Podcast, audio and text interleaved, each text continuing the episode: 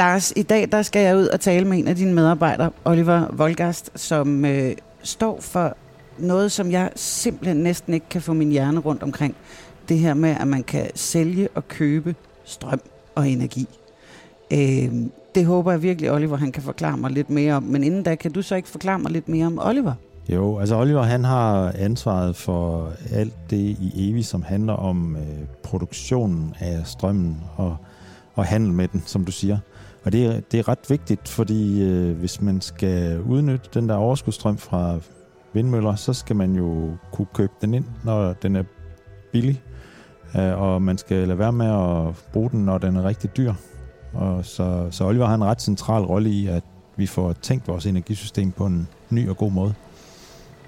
Jeg tænker også, at jeg skal tale med Oliver lidt om det her med, hvordan I opbevarer strøm, for det er jo ikke noget, man sådan kan pakke ind i en kasse og sætte ind på en hylde på et lager, vel? Nej, Oliver han er, han er mest ansvar for vores vindmøller og produktionsapparat, og så han, han har kigget på anvendelsen af batterier. Og det kan han fortælle noget om, at det er der ikke uh, super god mening i lige i øjeblikket, men uh, det kan jo være, det kommer. Ved du hvad, det går jeg lige ud og høre fra ham selv så. God fornøjelse. Tak skal du have.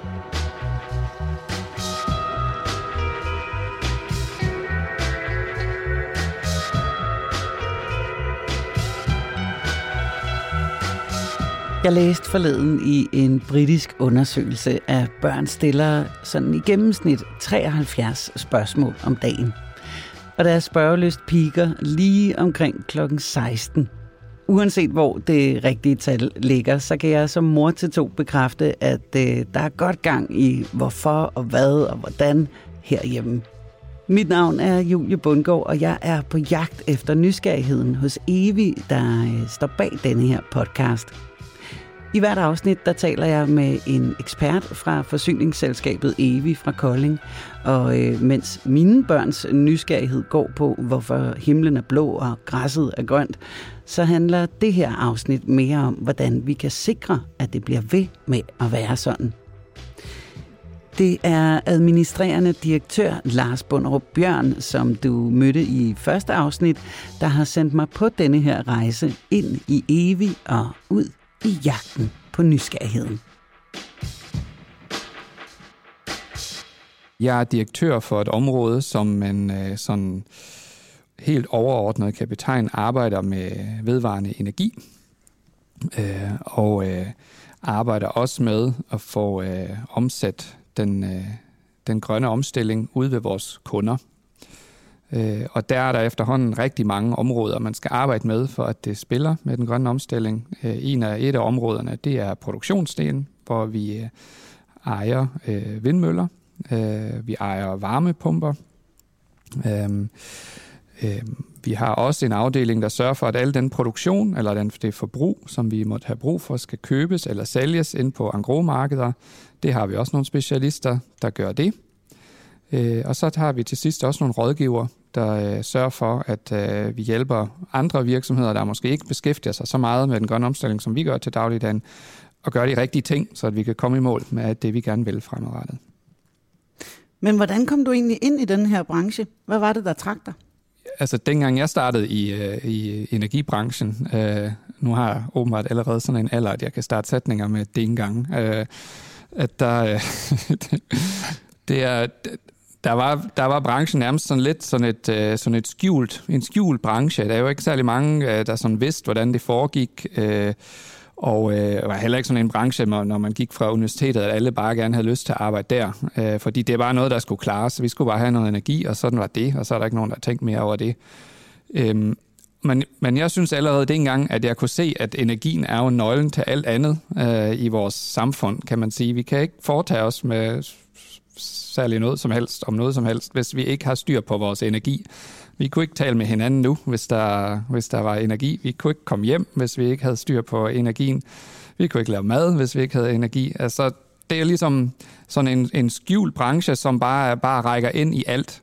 Og i og med, det er så betydningsfuldt for stort set alt i samfundet, så har det nogle politiske grene, det har nogle økonomiske grene, det har nogle tekniske grene, øh, det har også nogle geostrategiske gren, hvis man interesserer sig for det.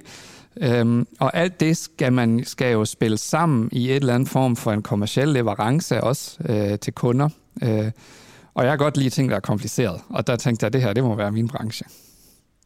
Men var det det, du tænkte som barn, at, øh, at du gerne ville lave, altså arbejde med, med grøn energi, eller hvad, hvad, hvad, var, det, hvad var det, der, der ligesom drev dig i den retning? Ja, altså ikke som barn. Som, som barn, der vil jeg gerne blive lige så god en tennisspiller som Boris Becker. Øh, men øh, der var ikke noget energi der, måske fra tennisbanen.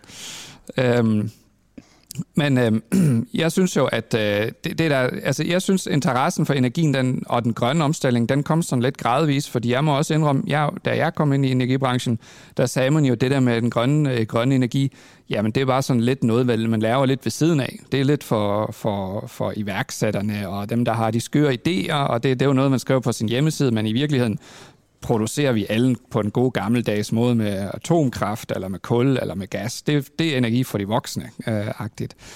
Øhm, og sådan har jeg også selv set på det, men jeg tror, det jeg er blevet meget bit af det, det er at se, hvor hurtigt vi i virkeligheden er kommet igennem med at have en samfund, som rent faktisk stort set udelukkende kan leve øh, af vedvarende energi. Øh, det, er, det, har, det har fascineret mig helt vildt meget, fordi at øh, man, kan jo godt, man kan jo godt forstå alle de argumenter, der er omkring, at hvad skal vi med vind, øh, hvis den ikke, eller hvad skal vi med vindenergi, hvis vinden ikke blæser, hvorfor skal energien så komme fra? Alle de der problemstillinger.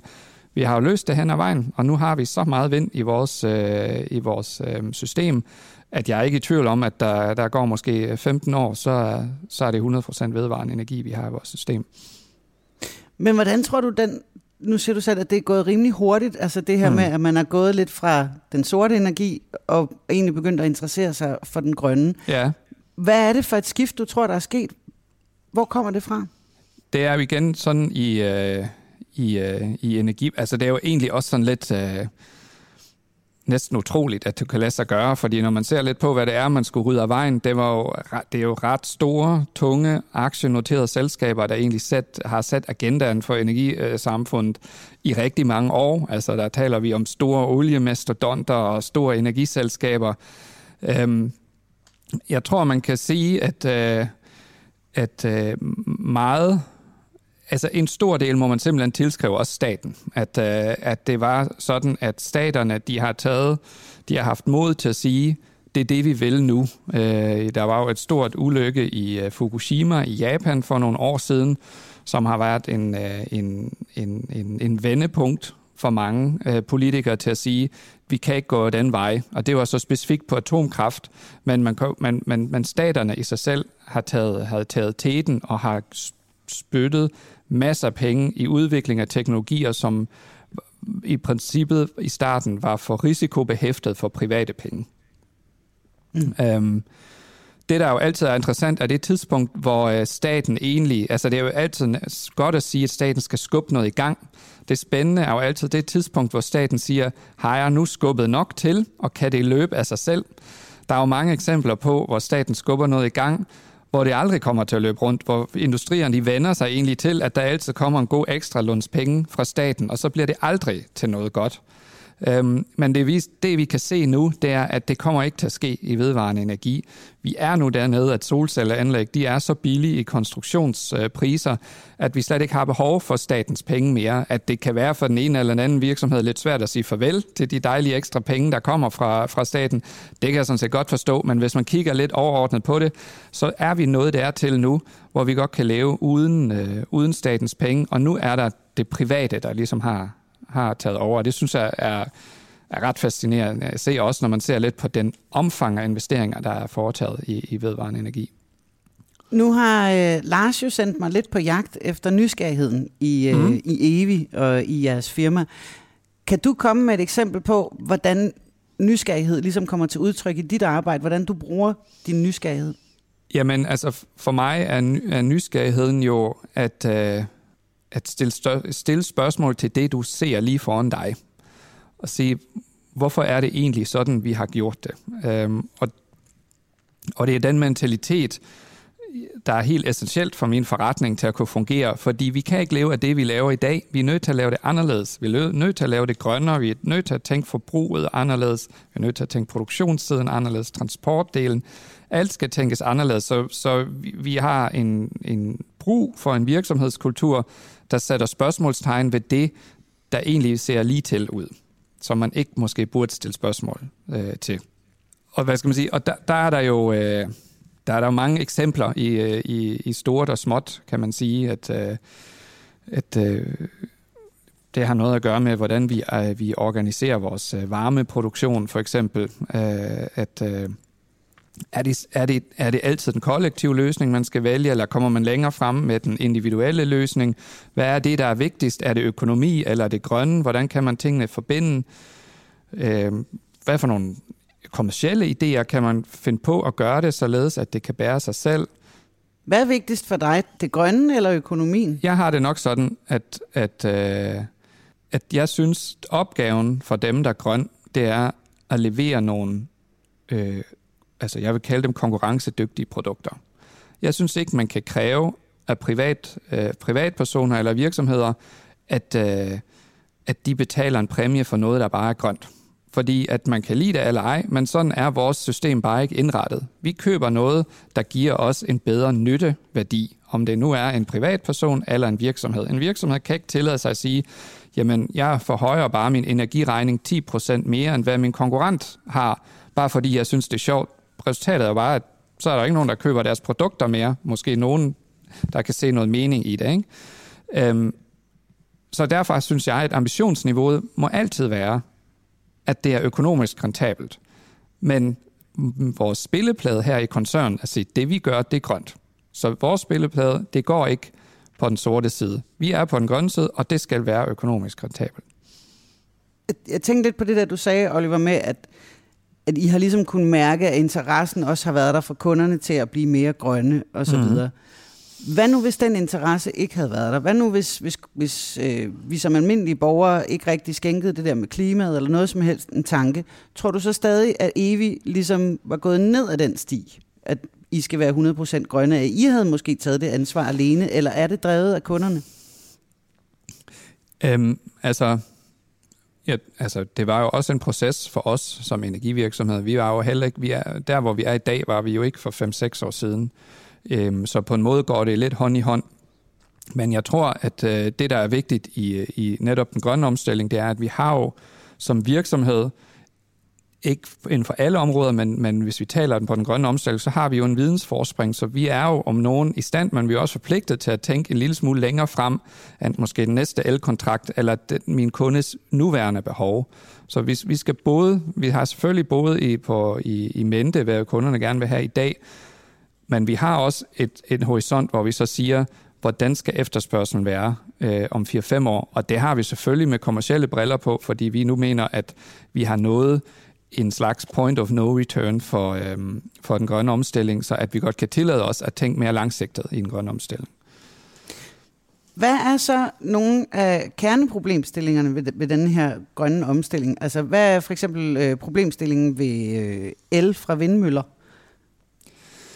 Ja, man, man kan sige, sådan rent øh, infrastrukturmæssigt, så er der jo en, øh, en problemstilling, at øh, at el fra vindmøller er meget mere ufleksibelt end øh, el fra øh, kulkraftværker, hvor man selv kunne planlægge øh, øh et, øh, frit stort set, hvor meget man vil producere næste døgn, så er det vinden, der bestemmer stort set, hvordan øh, en vindmølle skal producere næste gang. Øhm, og det, er, det stiller hele vores elnet sådan set på hovedet, øh, fordi tidligere så kunne vi selv bestemme, hvornår vi havde lyst til at bruge vores øh, strøm, fordi det var produktionen, der kunne ligesom løbe op og ned. Nu stiller vi det på hovedet, fordi nu er det produktionen, der er ufleksibelt, og det er forbruget, der skal kunne fleksibiliseres.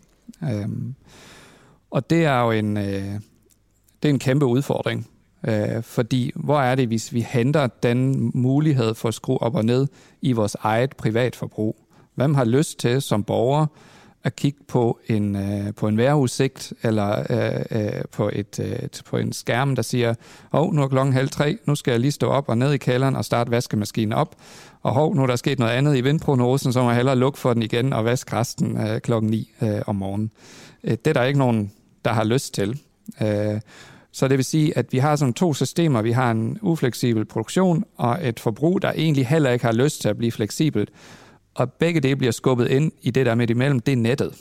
Øh, Og, øh, og det er der, hvad skal man sige, vi, kan, vi kommer til at lægge, øh, lægge mærke til problemerne, hvis vi ikke får løsnet op på den problemstilling. Hvad kunne nogle af de løsninger så være? Altså, jeg ved, vi, vi har snakket meget om øh, det her med, at man ikke kan opbevare netop energien fra vindmøller, for eksempel. Altså, man kan ikke gemme den. Man er ja. nødt til at bruge den, når den er der. Ja. Øh, hvordan kommer man rundt omkring det, eller hvad er det for nogle løsninger, I arbejder på for at komme rundt om det? Ja, altså det er jo, det er jo rigtigt nok, at det er et kæmpe problem, at, at øh, alle kan ikke lære os, eller det er egentlig den største ulempe, der er. Det er en meget, meget, meget, meget sensitiv balance, der er i elnettet, og den skal ikke forstyrres særlig meget, før den egentlig udfalder. Så, så at, øh, at, at spændingsniveauet i, i elnettet er en, en, har en meget, meget snæver bånd, hvor den kan fungere. Øhm, øh, der er, hvad skal man sige, der er egentlig to, eller der er mange muligheder, men, men den, den, vi kan ikke lære el i noget, der gemmer el, altså et batteri, som vi kender den også hjemmefra, øhm, i den omfang, som vi har brug for. Så store batterier har vi ikke. Vi kan gemme noget af det, og vi kan gemme det for en kortere periode i batterier, men det er ikke nok. Øhm, der er så de, den, de to muligheder, som man har, det ene, det er at putte el i noget andet, altså lave det om til noget andet, for eksempel i gas, fordi vi har et meget veludviklet gasnet, øh, hvor man kan lære energi meget, meget nemmere, end man kan el. Og det er, det er der nogen, der, øh, der arbejder med at få konverteret det for eksempel til biogas øh, og andre gasificerede former. Øhm, og det er en rigtig god idé.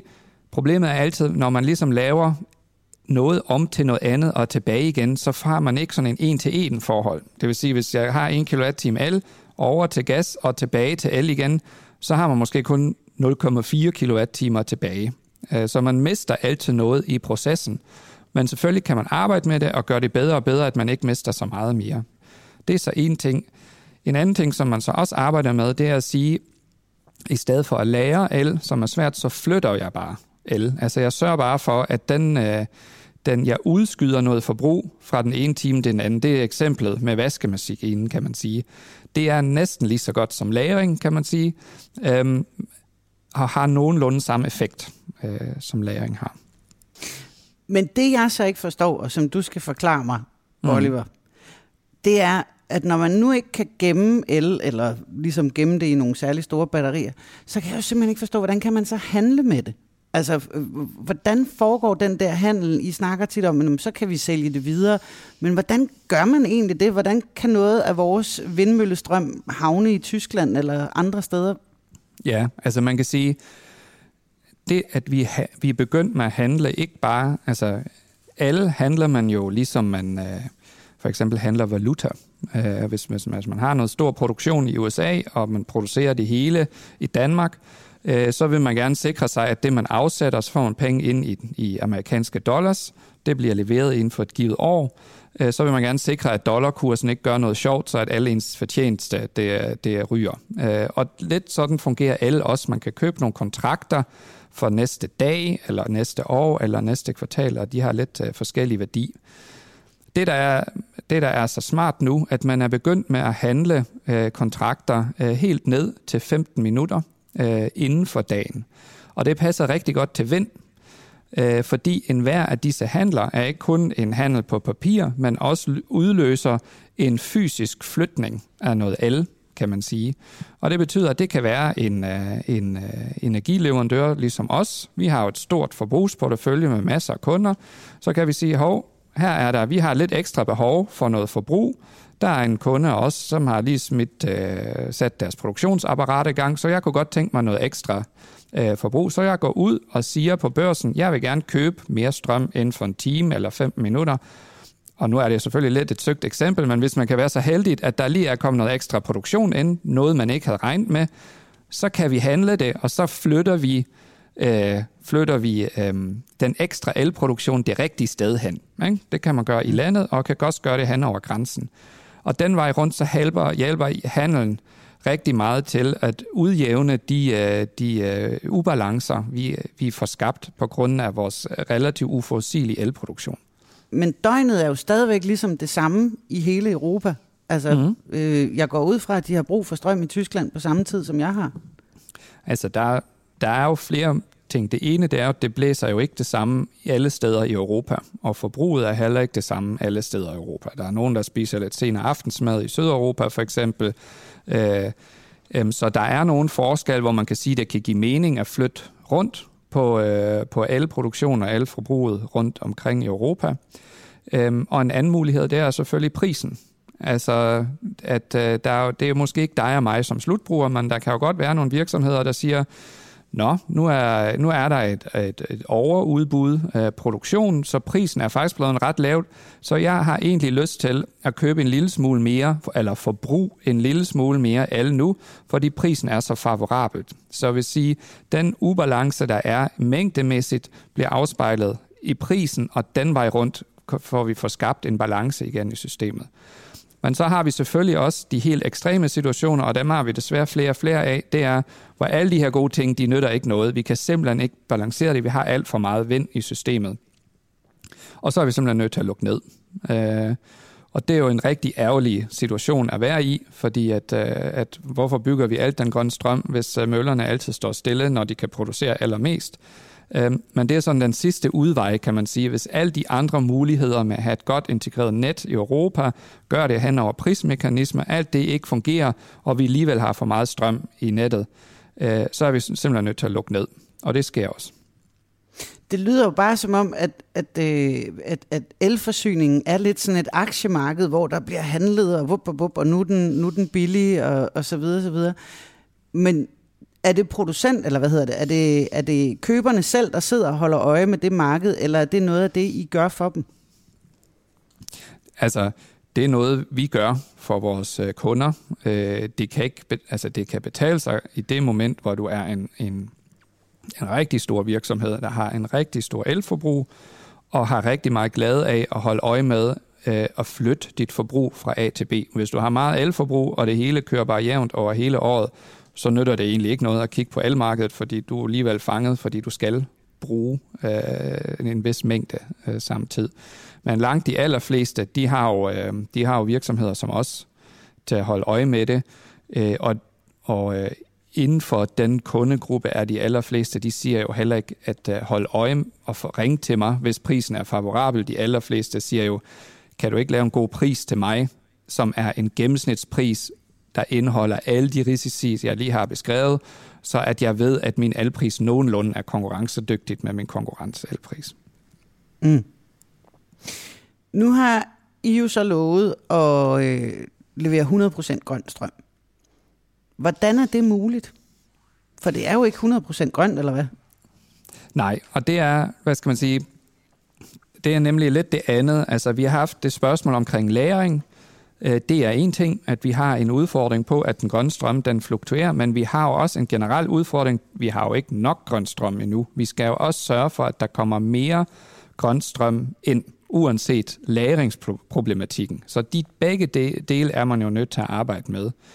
Øhm, det vi så har sagt, det er, at hos os, der kan man kun købe grøn strøm, og forhåbningen er, og det, og det er rigtigt, hvis vi starter lige derfra, det er selvfølgelig rigtigt, at det, der kommer ud af folks stikkontakt, det er jo ikke kun grøn, grøn strøm. Det er bare nu bare det, der lige præcis er i nettet, der hvor du bor. Og der kan være nogle timer, hvor det er rigtig grønt, og der kan være nogle timer, hvor det er primært med kul, og hvis det er en meget, meget kold dag, hvor alt skal bruges for at sikre forsyning, så kan det også være sort, fordi det kan godt være, at der er nogen, der fyrer med olie. Øhm, det kan jo, vi har, altså hvis man skulle have en garanti for, at det, der kommer ud af din stikkontakt, er 100% grøn, så skulle man jo hvad skal man sige, have ledninger over hele landet og sørge for, at lige præcis den vindmølle kommer hen til dig og ikke et andet sted hen. Det er ikke, øh, altså, det er ikke til at finansiere, det giver ingen mening, og hvem har også lyst til at leve i et samfund, der er fyldt med kabler. Uh, vi har jo allerede nu kabler, uh, eller hvad skal man sige, noget modstand i, at, øh, at, at, at udbygge kabelnettet, så at det kan passe til den yderligere belastning, der kommer ind fra vedvarende energi. Så det er, ikke den, den, det er ikke den rigtige vej. Det man så har gjort, det er, at man har lavet et øh, såkaldt certifikatsystem. Det ligner lidt det, der er på CO2. At man i virkeligheden siger, at bare med omvendte fortegn, at dem, der producerer grønt, de skal have en lille ekstra gulderåd, fordi deres strøm, de putter i nettet, det er grønt. Uh, så hvis du fyrer med gas eller med kul, så, har du ikke, så får du ikke sådan et ekstra certifikat udstedt, men hvis du producerer med vedvarende energi, med sol, med, med vind, med vand, så øh, udsteder øh, staten øh, en, en ekstra certifikat, som du så kan sælge oveni. Det certifikat er noget, som selskaber som os, vi køber, og så sikrer vi, at den mængde af grønne certifikater, som vi køber, svarer til det forbrug, som vores slutkunder de har. Øhm, der er der nogle nationale registreringssystemer, som så sikrer, at alle megawatt-timer bliver kun talt én gang, og man ikke ender med, at en producent måske sælger den samme grønne megawatt-time to gange. Det er sådan, det fungerer. Øhm.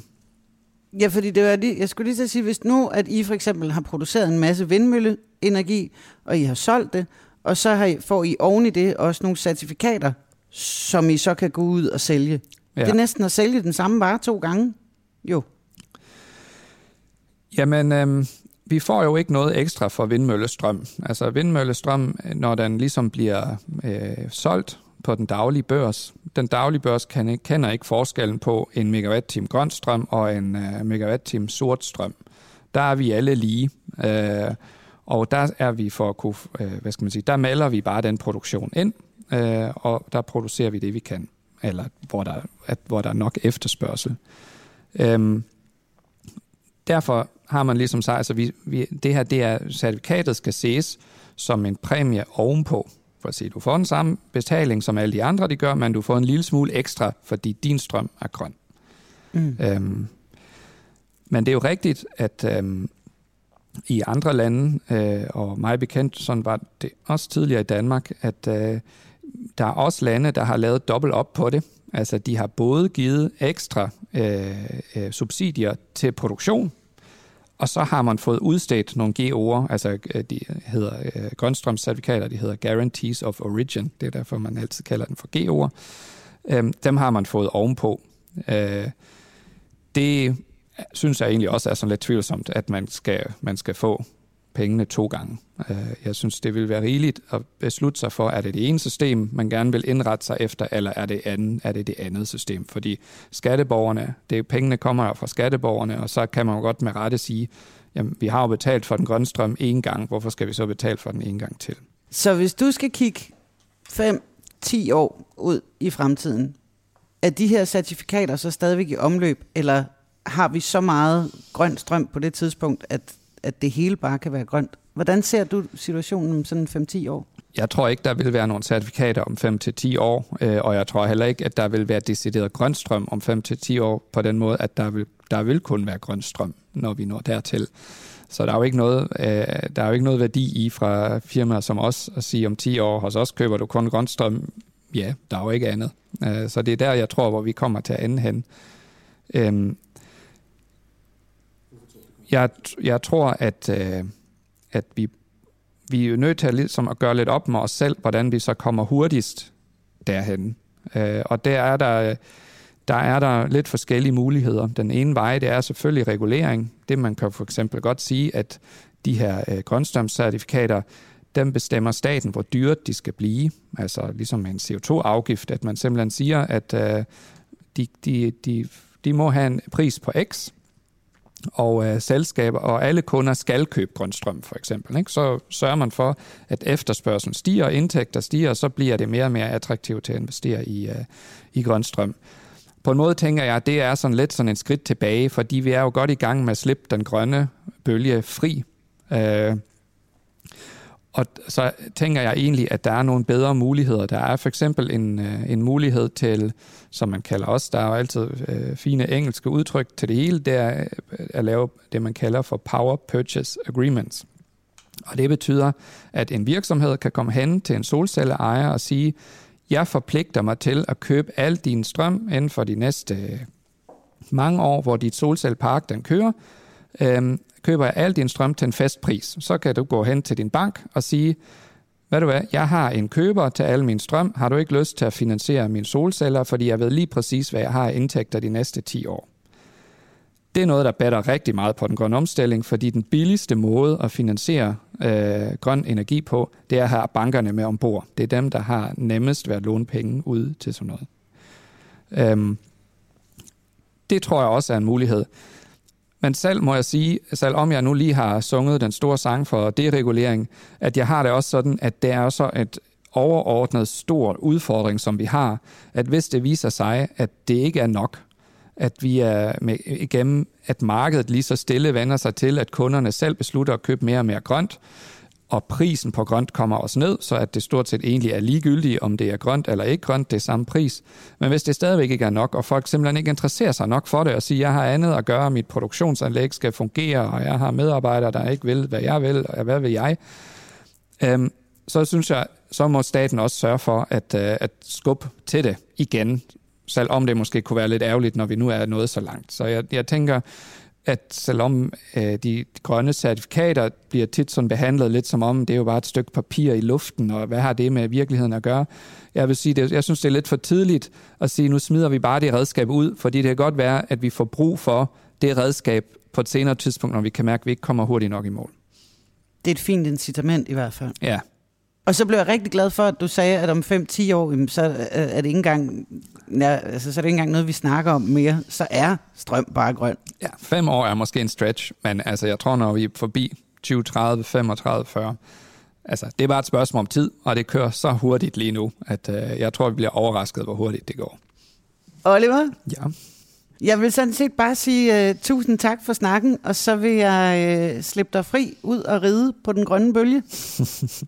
Så tak. Tak, fordi jeg måtte være med. Det er mig, der takker.